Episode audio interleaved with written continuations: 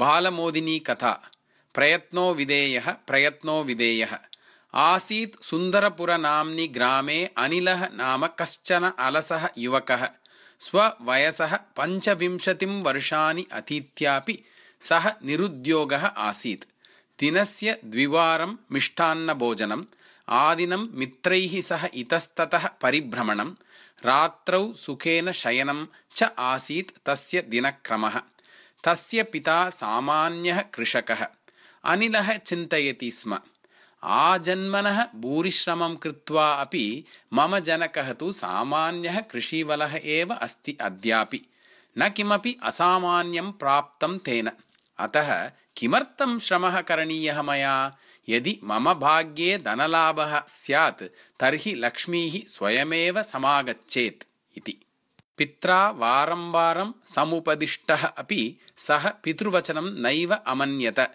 एतादृशं पुत्रम् अवलोक्य नितरां खेदम् अनुभवति स्म पिता। सुन्दरपुरसमीपे आसीत् कश्चन सुविशालः पर्वतः। पर्वतशिखरे आसीत् निबिडवृक्षैः परिवृतः सुतरां रमणीयश्च शिवालयः। अथ एकदा सुहृद्भिः सह अटन् अनिलः तत् मन्दिरं गतः तत्र देवदर्शनं कृत्वा शीतलायां वृक्षछायायाम् उपविश्य तैः वार्तालापः कृतः। सूर्यास्तसमये ते ग्रामं प्रति प्रस्थितवन्तः। पर्वतात् अवरोहद्भिः तैः दूरे काचित् प्रकाशशलाका दृष्टा। कोऽपि दीपं गृहीत्वा चलतीति भाति। कः एषः मूर्खः आसन्नायां रात्रौ अपि पर्वतम् एतम् आरोहति इति अचिन्तयत् अनिलः। शीघ्रमेव सर्वे तस्य प्रकाशस्य समीपं गताः।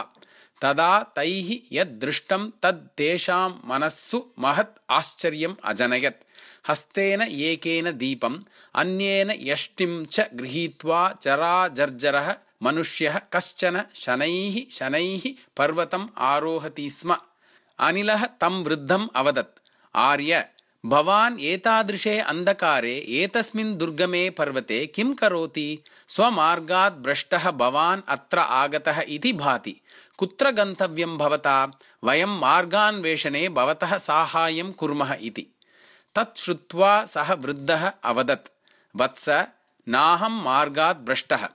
अहं तं शिखरस्थं शिवालयं गन्तुम् इच्छामि तस्मिन् मन्दिरे विद्यमानस्य शिवलिङ्गस्य दर्शनं नितान्तं पुण्यकरम् इति मया श्रुतम्। अतः एव एतं पर्वतम् आरोहामि इति।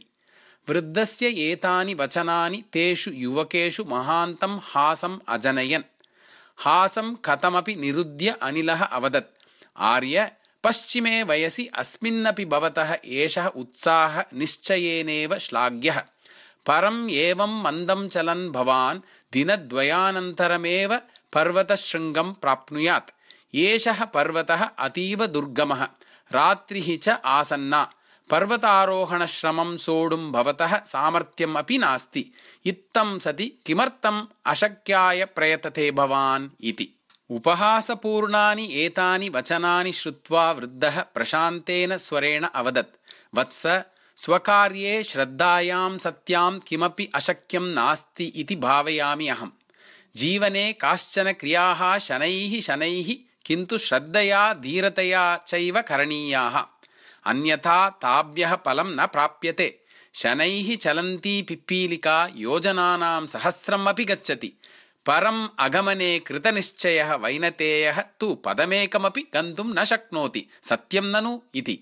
तदा अनिलः उवाच किन्तु तात भवतः दीपः पर्याप्तं प्रकाशं न जनयति। परिसरः तु तमसा व्याप्तः। एतादृशे घनान्धकारे लघुदीपः अयं निरुपयोगः खलु।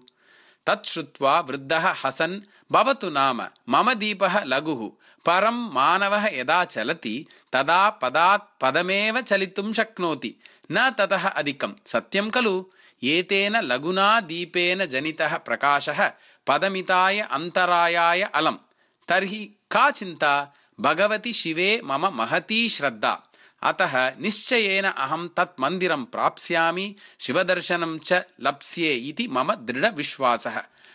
प्रयत्नात् ऋते जीवने किमपि न सिद्ध्यति वत्स। दैवमपि प्रयत्नमेव अनुगच्छति। भवतु साधयामि अहं। शिखरे शिवः मां प्रतीक्षते इति उक्त्वा ततः प्रस्थितः अनिलः तस्य सुहृदः चापि ग्रामं प्रति गतवन्तः। परम् अनिलस्य मनसि वृद्धस्य वचनानि हासः च मुहुर्मुहुः गुञ्जनम् अकुर्वन्। एषः आसन्नमरणः अपि वृद्धः प्रयत्नम् अत्यजन् स्वकार्यं पूर्णतां नेतुं प्रयतते स्वकार्ये महतीं श्रद्धां च धरति।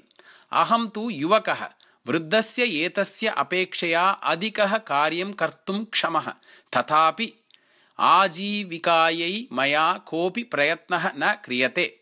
दिक् माम् अलसम् इति विचारेण तस्य मनः व्याप्तम्। सः पश्चातापदग्धः जातः।